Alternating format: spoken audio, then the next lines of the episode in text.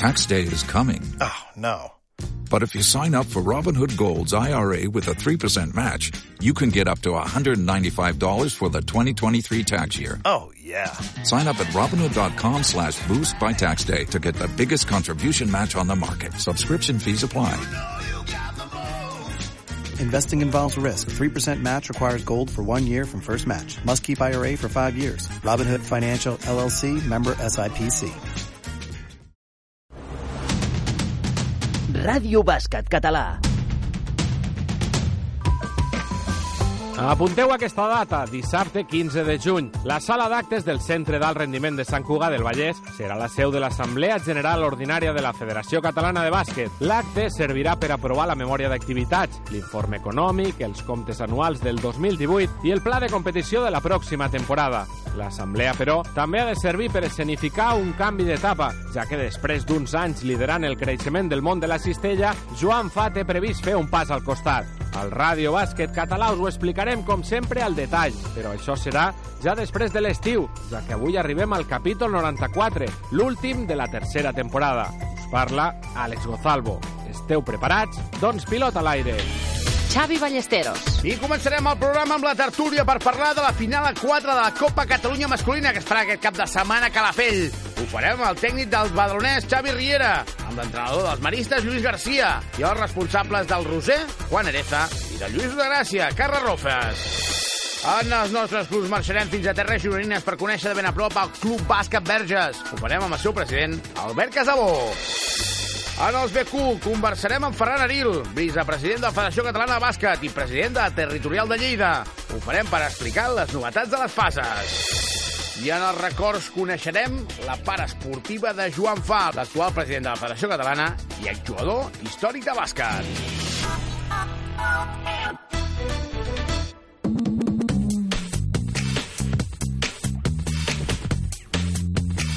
La tertúlia.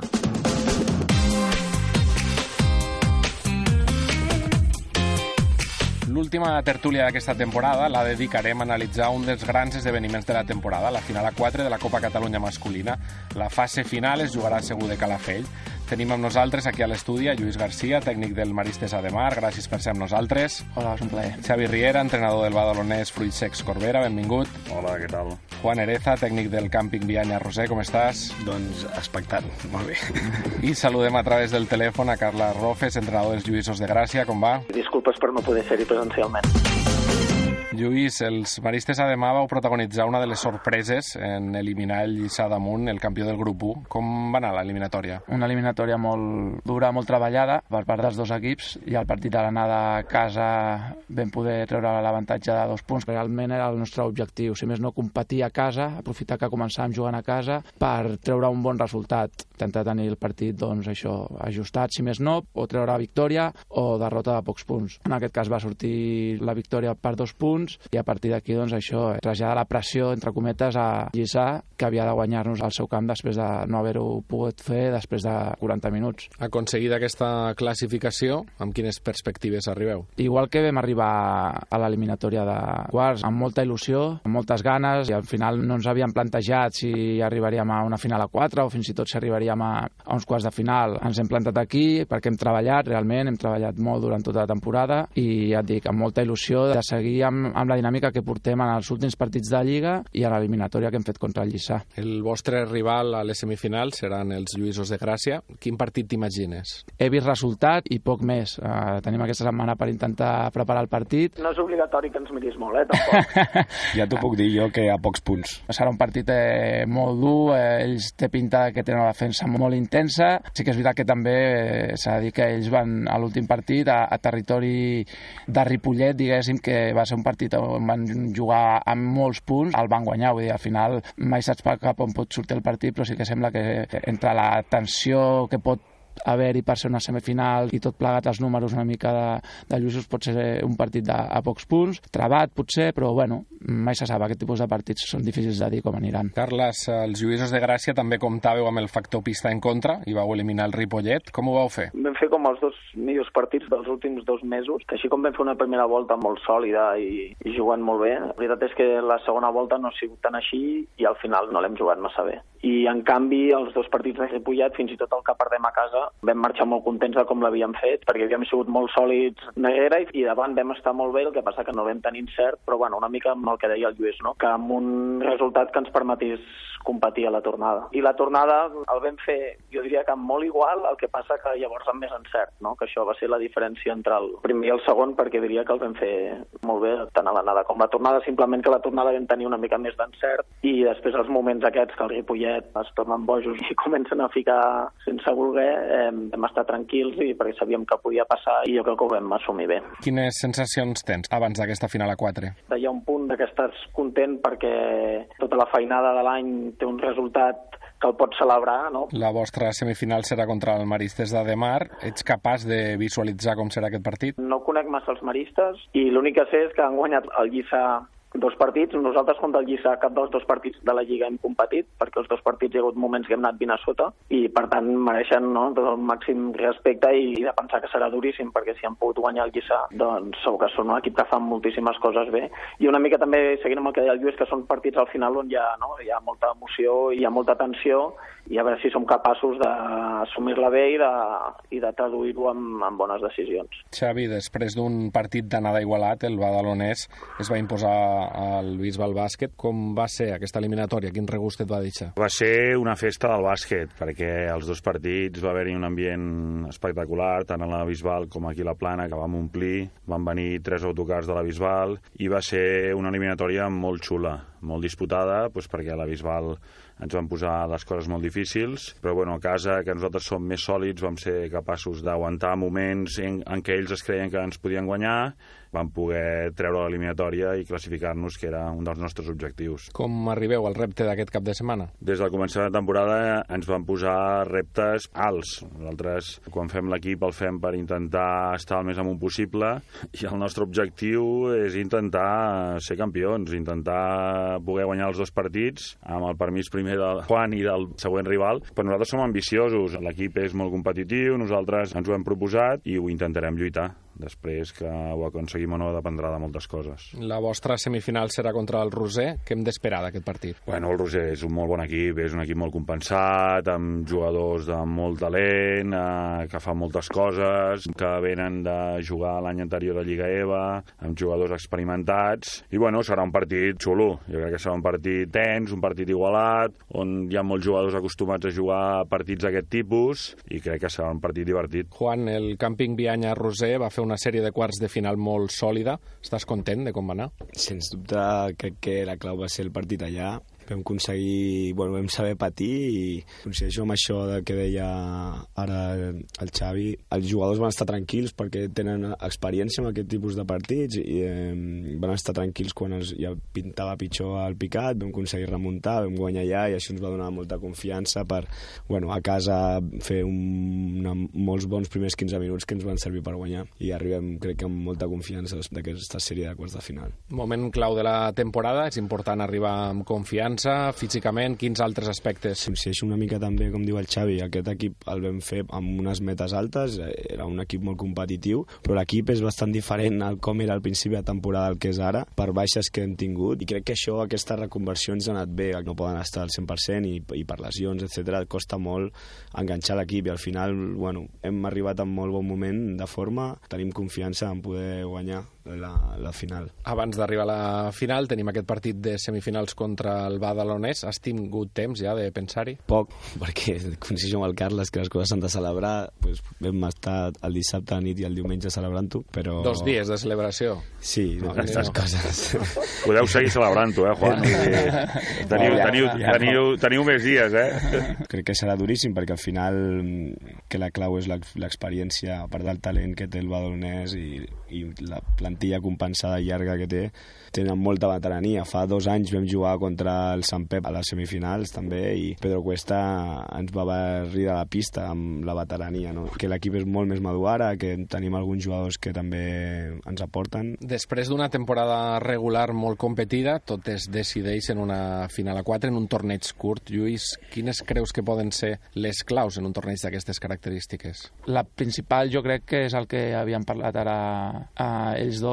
L'experiència crec que pot ser un, un factor molt important.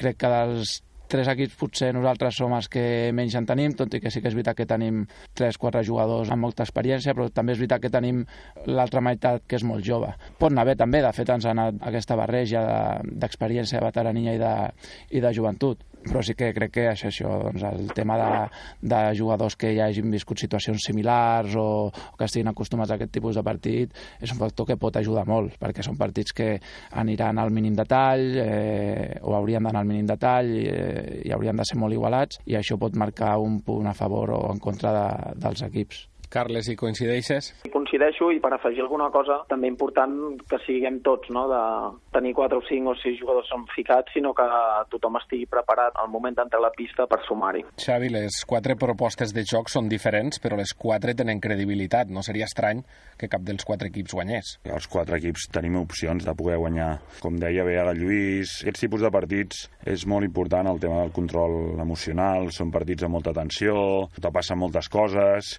i el saber fer i el control aquest emocional et dona molts punts a favor. L'equip que sàpiga controlar més això crec que té molts punts a favor. Juan, gestionar el joc però també les emocions però bueno, jo crec que també serà important els petits detalls. Jo porto dient des de fa temps que aquesta Copa la pot guanyar qualsevol, que no veig cap equip molt millor que els altres, que hi ha molt bons equips, però cap és molt superior als altres. I aquests petits detalls, alguns emparellaments, alguns moments, encerts, està clar que el control de les emocions eh, crec que et fa estar present al partit i poder estar més concentrat. So. Xavi, aquesta Copa Catalunya és la màxima divisió de la Federació Catalana, de les que organitza. Què et sembla la categoria? És una categoria que està creixent creixent, amb el tema de la tele, el tema de la ràdio, pues, té una difusió espectacular i la gent, pues, la Copa Catalunya la segueix molt. M'agrada tot, excepte la fase final aquesta dels quarts de final de playoff anada i tornada.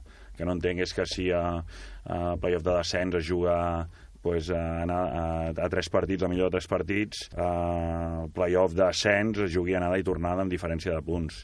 Jo crec que poc avantatge té, eh, per exemple, nosaltres que vam quedar primers, anar a jugar el primer partit allà i després rebre'ls a casa. Jo aquí l'avantatge no la veig i crec que en un futur crec que la millor opció seria plantejar-se fer un playoff a millor de 3, el millor classificat té avantatge. Però a part d'això, és una categoria que està creixent molt i molt maca pel públic. Sí, jo coincideixo amb això, que algun premi hauria d'haver-hi pels que queden primers d'alguna manera, eh? o primers, o mira el Lliçà ara, que ho han fet molt bé, al final quedes primer, fas una temporada genial i, i no serveix de res, no? Jo també crec que potser alguna mica més de premi s'hauria de donar a la lliga regular, no? El que sí que està clar és que ha crescut molt en, pel que fa a difusió aquests partits de la xarxa. A vegades parlem amb entrenadors de la Lliga EVA que es queixen una mica d'això, que és una competició que no té sí. la mateixa visibilitat potser que la Copa Catalunya. Jo estic d'acord, Lliga EVA que és una categoria molt xula i hi ha molt nivell i molts, mm. molts bons partits de bàsquet.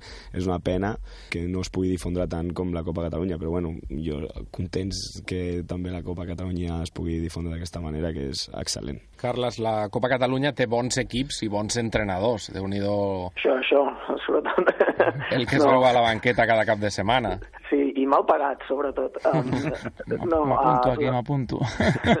no, la veritat és que té un nivell molt alt i després uh, coincideixo totalment amb el Xavi i el Juan de que el, i suposo que el Lluís també estarà de... Bueno, ahir el Lluís no ho sé, eh, però... a mi em va sortir bé. Que, que el fet del primer lloc té, ha de tenir no, un, un, un benefici més alt no, de tota la feina de tot un any. Però dit això, la veritat és que hi hagi quatre equips que facin playoff fa que la competició sigui, si ho compares, per exemple, en primera, la primera van al primer i el segon, i el tercer poques possibilitats té, no? I el fet de que hi hagi quatre equips que tinguin opcions fa que fins i tot el setè o el vuitè fins al final tinguin opcions de sumar-s'hi i per baix també, no? Llavors això fa que siguin, més enllà del nivell de jugadors que hi ha, eh, la competició en si és molt atractiva en aquest sentit. I el que comentaves de la xarxa, i no només de la xarxa, sinó de... No? Hi ha ràdios locals que també fan els partits en directe i això et dona molt de joc i en una tarda et pots veure el partit per la tele i a la vegada està connectat a l'ordinador i veus un altre partit per l'ordinador i això és un ganxo molt gran. Com us ha anat a vosaltres l'experiència de jugar al pavelló Josep Comelles? Per nosaltres era molt fonamental el fet de que funcionés bé perquè 2012, quan vam tenir l'oportunitat de fer EVA, eh, i que lògicament no podíem jugar a Lluïsos, vam anar allà a les Llars Mundet i la veritat és que no va anar tan bé perquè la gent li va costar molt pujar fins allà dalt, i patíem una mica no, de si aconseguiríem que la gent vingués a Comelles, i la veritat és que pel fet de que estava dins del districte, a part també abans del nostre partit hi havia el partit del Senior B i després les noies, doncs hem tingut ple de gent cada cap de setmana i estem super contents de, de l'experiència. El que ens agradaria és poder entrenar-hi més, perquè només hi podem entrenar 55 minuts el divendres i, i el que ens agradaria és poder entrenar-hi més. Lluís, quina resposta de l'afició heu tingut vosaltres? Hem anat de menys a més. Sí que és veritat que ha costat enganxar una mica la gent. Venim fa 5 anys, estàvem a tercera, vam començar de fet que l'any anterior no hi havia sènior, el primer any que es va decidir tornar a tenir un sènior a la tercera, i hem anat de menys a més en aquest sentit també, i bueno, bueno, ha costat enganxar, perquè és això, doncs, a tercera potser no enganxaves a la gent, a segona una mica més, i has anat enganxat cada cop una mica més a la gent. La temporada ha passat igual, suposo que també el tema de el diumenge a la tarda, a l'hivern, fa fred, eh, i ja et dic, ens ha costat. Sí que és veritat que al final hem enganxat més, hem aconseguit que vingui més gent a, animar-nos, l'altre dia va haver-hi gent que es va desplaçar a Lliçà, i, home, per nosaltres és superimportant això, vull dir, els jugadors al final agraeixen tot aquest tipus de suport i esperem que cada cop n'hi hagi més, tant a la final a, a 4 a Segur de Calafell, que serà difícil perquè hem de viatjar una miqueta lluny, i de cara a temporades següents, eh, doncs, com a mínim consolidar el que hem aconseguit a final de temporada i, i anar enganxant a més, a més gent del, del club. Xavi, per a vosaltres és clau aquesta connexió amb el públic? Bueno, nosaltres, com més gent hi hagi i més merda hi hagi, jo tinc tipus de jugadors que això els posa catxondos, vull dir, els hi agrada. Com més ambient hi hagi, millor.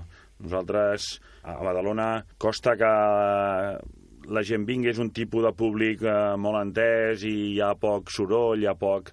i té l'oferta és molt gran, però sí que hem aconseguit, aprofitant que l'equip anava funcionant, cada vegada omplir més la plana i veritablement a, a l'últim partit de casa va ser una festa absoluta i vam disfrutar moltíssim. Juan. Coincideixo, bueno, nosaltres la veritat que sí que tenim bastant suport, hi ha gent al revés de l'any passat, que vam fer el mateix que Lluïsos, vam anar a Mundet i és impossible que la gent vagi allà. Aquest any la gent ens va veure molt i mira que l'estació del nord és un pavelló una mica difícil pel públic, que sempre ha d'estar de peu. I precisament per això em sorprèn o a mi m'agradaria que aquest tipus de final, que coincidim dos equips de Badalona i dos de Barcelona, siguessin més a prop o per l'àrea metropolitana, no? perquè al final jo he estat, crec que tres partits d'aquests quarts de final i ha sigut, els tres que he estat ha sigut l'ambient increïble i del, no havia vist mai la plana així, o l'estació del nord, o vam anar al Picat i era increïble la quantitat de gent que hi havia, i al final, bueno, crec que si finquéssim aquestes finals a prop,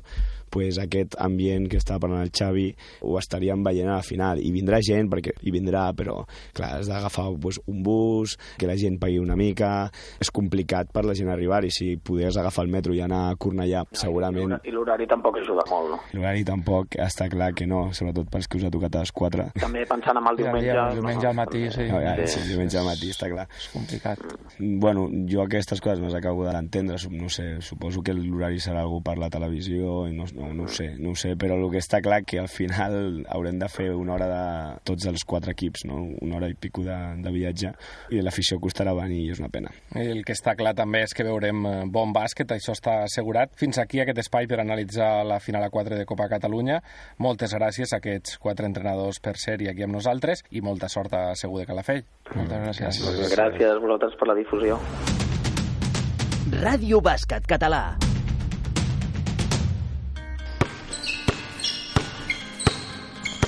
Els nostres clubs. Albert Casabó, president del Club Bàsquet Verges. A la documentació que tenim ens consta que es va fundar el, el juliol de l'any 88 per iniciativa sobretot d'una una persona que ha estat important en l'esport de Verges, que és la Pepi Palomeres, que ara ja no és entre nosaltres, que va ser una mica dinamitzadora de l'esport del poble arran de la construcció del pavelló poliesportiu. Després, per interès d'unes quantes famílies, es van aplegar formant la Junta, ocupant els càrrecs directius en aquesta Junta, perquè doncs, hi tenien els nois o les noies que hi jugaven, i a partir d'aquí va néixer una mica Club Bàsquet Verges, per iniciativa també doncs, de les famílies i de la necessitat d'oferir algunes activitats que es poguessin fer en el, en el pavelló poliesportiu. I el bàsquet va ser una mica la que més va arrelar. És un club molt familiar i sempre ha tirat una mica la bona voluntat de les famílies i de, de pares, d'entrenadors i de jugadors que, doncs, que bonament s'hi anat posant a les diferents juntes que hi ha hagut tots aquests anys. Amb alt i baixos, i lògicament, com deu passar a tots els clubs, temporades doncs, més bones, amb més equips, amb més afició, temporades no tant, i anar passant el relleu generacional d'uns als altres jugadores, fins al punt doncs, que gent que en aquell moment van començar sent jugadors o jugadores, han esdevingut després entrenadors o han acabat sent pares de jugadores actuals, no? És clau que hi hagi aquesta continuïtat, no? Sí, sí, és clau, i a més en un club petit com el nostre, en què és necessari l'ajuda la, i el recolzament de tothom. Ara mateix quants equips teniu? Aquesta temporada hem tingut eh, cinc equips. Un premini mixta, però que no ha arribat a competir, va ser una mica decisió dels pares. Sembla que cada vegada fa com més mandra això, eh, el cap de setmana desplaçar-nos aviat cap a jugar. Van acordar doncs, que es limitarien a fer algun torneig per aquí a prop, o alguna competició, però sense ser a nivell federatiu. Després tenim un mini, un infantil hem tingut, un cadet i un júnior. Més o menys pleguem aquest any unes 60 jugadores. Tot bàsquet femení, eh? Menys dos o tres nois que estaven en el Premi En un futur us plantegeu tenir equips masculins o ho descarteu? Bueno, de moment estem en una zona que el futbol tira molt i els nois més aviat tendeixen cap al futbol. I comencen a vegades amb equips petits, però després no s'acaba de consolidar. I com a club teniu algun objectiu de cara a les properes temporades? Us heu marcat alguna fita? Mira, el nostre objectiu va any rere any a mirar de mantenir els equips que tenim. Aquí a Verges tenim un institut d'escola que plega uns quants municipis de l'entorn i és una mica un nucli aglutinador també a nivell esportiu. Aleshores venen nenes eh, a jugar dels diferents pobles de les Rodalies i intentem cada temporada poder mantenir l'equip. Hi ha gent a aquestes edats doncs, que, que ho prova i després doncs, no li acaba d'agradar i ho deixa i a vegades costa de sumar o han de juntar diferents generacions i que els petits juguin en una categoria més gran per poder fer equip. I la nostra lluita, entre cometes, és de cada any anar mantinguent els equips que tenim, a veure si, si ens afegeix algú, si no tenim gaires baixes i pot haver-hi aquesta continuïtat. En poblacions petites aquest és el principal mal de cap, no? Sí, sí, costa i no tenim cap equip que siguin totes les noies del mateix edat. Vull dir que juguen sempre barrejats i juguen cadets que estan a júniors o juguen infantils amb cadets i si algunes volen continuar i han de pujar per qüestió d'edat, les altres les han de seguir si volem mantenir l'equip. Anar fent equilibris d'aquest tipus. Amb el cuent de la temporada sempre fem una mica de berenar a sopar per totes les jugadores, els regalem un tall d'una una samarreta de la temporada amb el seu nom, que sempre els fa il·lusió. Si hi ha hagut algun esdeveniment important que calgui destacar o premiar, o algun reconeixement a algun entrenador que, que ho deixa, o algun que s'hi afegeix. Promovem molt la cantera, que si pot ser jugadors que estiguin a júniors, doncs entrenin equips més petits, que tots ens ho hàgim de fer una mica nosaltres, sense dependre de gaire ningú, però a vegades també costa. Estem doncs, cada any amb, amb aquestes. Igual que els pares ens posem d'auxiliars de taula, o ens posem a la Junta, amb els desplaçaments, i una mica la implicació de tothom fa que això pugui tirar endavant. I ens hem plantejat aquesta temporada, és la primera que ho fem, fer unes portes obertes durant aquesta setmana, i que les nenes mateixes puguin portar alguna amiga, si els sembla que pot estar interessada, o en fem difusió a través de l'Institut d'Escola, a veure si anem aguantant una mica el que tenim. Els BQ. Al BQ d'aquesta setmana volem analitzar les diferents fases finals que es disputen durant aquesta recta final de la temporada. Ferran Aril, president de la representació territorial de Lleida i president del comitè esportiu, gràcies per ser amb nosaltres. Hola. Arriben els mesos de maig i juny i el calendari s'omple de fases finals. Quines podem destacar? Bueno, ara estem en el moment culminant de la temporada i tots els diferents campionats que durant aquests 8 o 9 mesos de competició s'han anat de desenvolupant doncs arriben a les seves fases finals. Algunes ja s'han fet, jo crec que les més significatives, com són les, les màximes categories, tant júniors, cadets com infantils, tant masculí com femení preferents, doncs aquestes ja s'han celebrat perquè van lligades a les fases finals dels diferents campionats d'Espanya que juguen tots doncs, amb unes dates anteriors a, a, a la finalització de la temporada a les altres categories del bàsquet català.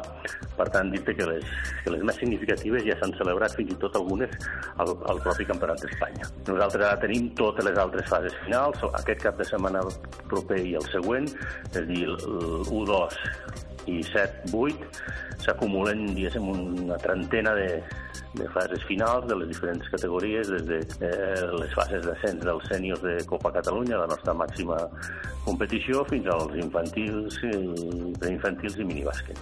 Eh, fa dos, dos, aquestes dues setmanes són setmanes d'autèntica bogeria en quant a, a partits, a fases finals i, i bueno, que el bàsquet català estarà representat eh, per aquests equips en tot el territori perquè el que també fem és distribuir-les en les diferents localitats que ens sol·liciten les organitzacions i que així cobrim doncs, gairebé quantitativa tot el, tot el territori. Coincideixen moltes en el calendari. És difícil coordinar tantes fases finals al mateix temps? Home, sí, és, és complicat, però pensa que, clar, eh, al llarg de la temporada ja vas preveient aquesta situació i, i clar, eh, hi ha unes dates que són dates límits perquè, bueno, acaba, acaba també el curs escolar, hi ha exàmens de selectivitat en segons quines categories, han de els exàmens normals de, dels diferents, de les diferents etapes, etapes educatives i el que intentem d'alguna manera el que intentem d'alguna manera és, és eh, buscar la fórmula de que puguin de, de, de, de que es pugui coordinar tot, no? Doncs clar, tot, tot s'acut amb aquesta, amb aquesta última aquesta última dues setmanes que, de les que estem parlant. No? La Federació Catalana té molta experiència, però quin és el secret de l'èxit per organitzar totes aquestes fases finals? Bueno, jo crec que darrere hi ha un bon equip de treball, un bon equip professional, que són els que d'alguna manera ho coordinen, que intenten arribar a tot arreu, que intenten parlar amb els clubs organitzadors, perquè a tot arreu pues, se li pugui donar realment el, el nivell esportiu i el nivell de qualitat que, que requereix. Quina és la implicació, la col·laboració que reben de tots aquests clubs i municipis? Molt important, crec que jo diria que és bàsica, perquè tant els clubs que, que demanen l'organització com el propi Ajuntament, que en la majoria de casos són els propietaris de les instal·lacions, doncs hi ha una, un, un lligam molt estret, hi ha una coordinació total i fa que, juntament amb l'experiència que des de la federació se'ls pot aportar, sigui que, sigui que l'organització millor dit, sigui perfecta, no? que no hi hagi cap tipus de problema. Són molts anys organitzar-ho, hi ha un bon equip professional, com et deia, darrere, i després també aquesta coordinació federació, club, ajuntament, crec que és clàssic, és clau per, per arribar a aconseguir que, fins que tot es desenvolupi de la millor manera possible. I molta gent, molts aficionats interessats en aquestes fases finals. Hem vist pavellons que feien patxoca. Sí, sí, la veritat és que sí. Normalment, eh, en molts casos, l'organitza un dels equips que participen, amb la qual això també li dona molta més, molta més força a nivell d'assistència de, de, de públic, no? Ja dic, eh, s'intenta lligar tot perquè l'organització, per una part, no hi hagi cap tipus de problema i per altra part també aconseguim que el màxim aficionats possibles en puguin gaudir. Molt bé, Ferran, moltes gràcies pel teu temps i felicitats per la feina de coordinació que esteu fent. Moltes gràcies a vosaltres. Records. Joan Fa, president de la Federació Catalana i exjugador de bàsquet com a jugador, en aquella època, quan vas començar i com vas començar? La primera vegada que vaig tirar una pilota amb una cistella va a l'Escola Editorial de Villena, que la directora era la Carmen Sansa, dona de les il·lustres lletres catalanes, que era un aro lligat amb una palmera. Eh? I, eh, I jugava doncs, amb la, la germana de l'actriu catalana de teatre, la Carmen Sansa, doncs el seu germà.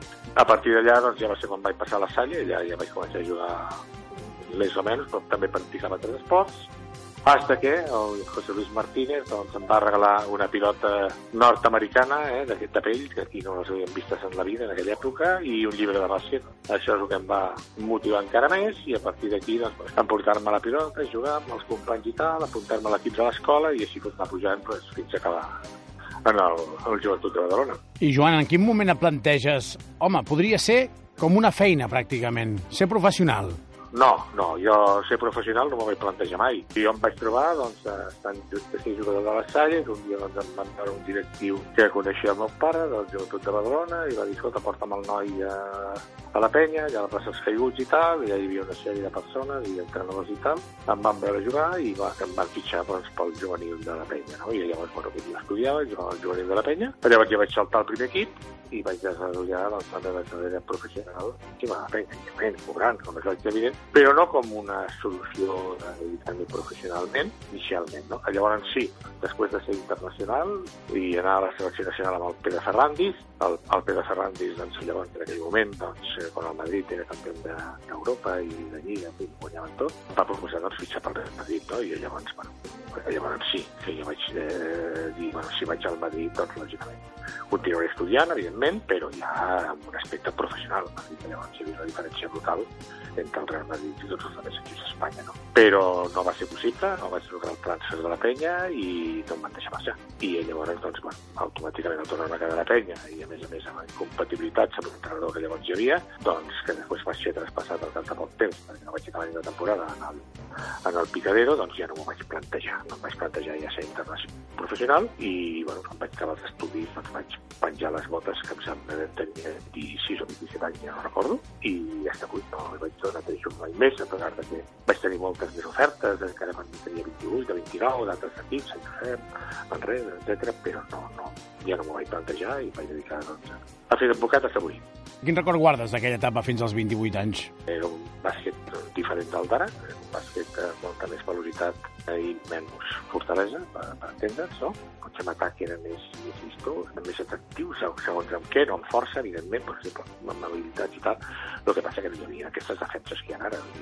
I quan diuen que aquest jugador, aquest altre jugador, aquest altre jugador, que feia 30 punts, que si en feia 40 aquí avui dia potser no farien cap, perquè és que les defenses que hi ha avui dia i gent avui dia que juguen pràcticament amb dos metres contra fora, doncs ja m'explicaràs, no? Dintre lo que, de, en aquella època el que era, doncs, bueno, també a mi em va agafar la carrera. La meva etapa, com si diguéssim, a Lliga Nacional, que la primera etapa doncs, encara hi havia camps descoberts, camps que no tenien per què, etc que després ja, quan el senyor Saporta doncs, ja va estar a la Federació Espanyola, doncs ja van obligar a que, a que tot fos cobert i que hi hagués doncs, doncs, per què no ja molt més, molt més professional. Els primers millors anys de, que jo recordo van ser els primers. Vaig jugar, era titular, vaig ser internacional, etc i per tant doncs, bueno, gaudia del que era el joc, no? M'importava si guanyava o no guanyava diners, això menys, però en canvi la segona etapa, ja quan vaig començar a tenir problemes amb l'entrenador, no? Que dir el nom, doncs, tot, doncs ja llavors ja per mi ja va ser un verdader, un verdader calvari i deixar el bàsquet a l'època vaig ser va ser un descans, o sigui que ja ho dic jo, la meva vida deportiva va tenir pues, doncs, un blanc i un negre, i, i aquesta és la història. L'última possessió. Catalunya ja té campions infantils. L'Snatch femení Sant Adrià, que va superar el Barça Sant Feliuenc i el Joventut de Badalona, que es va imposar al Barça, es van proclamar campions de Catalunya en la categoria infantil preferent. El femení Maresme cadet, sense rival. El femení Maresme es va proclamar campió d'Espanya cadet. L'Snatch femení Sant Adrià, en categoria femenina, i el Barça Lassa, en la masculina, van aconseguir una meritòria segona posició. El circuit 3x3 arriba a Badalona.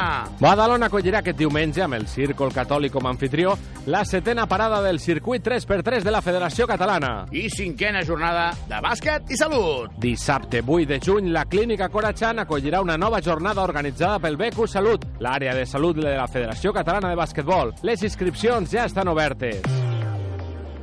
Ràdio Bàsquet Català. I amb l'última possessió acabem el Ràdio Bàsquet Català d'aquesta setmana. Rebeu una salutació del Jordi Abril al control tècnic del Jordi Creixell, el Javi Espeleta i la Laura Ramos a la producció, del Ferran Vinassa a la coordinació i del Xavi Ballesteros i qui us ha parlat, l'Àlex Gozalvo a la realització. Ràdio Bàsquet Català. Tornem la setmana que ve amb més bàsquet. Una coproducció de Badalona Comunicació i la Federació Catalana de Bàsquet.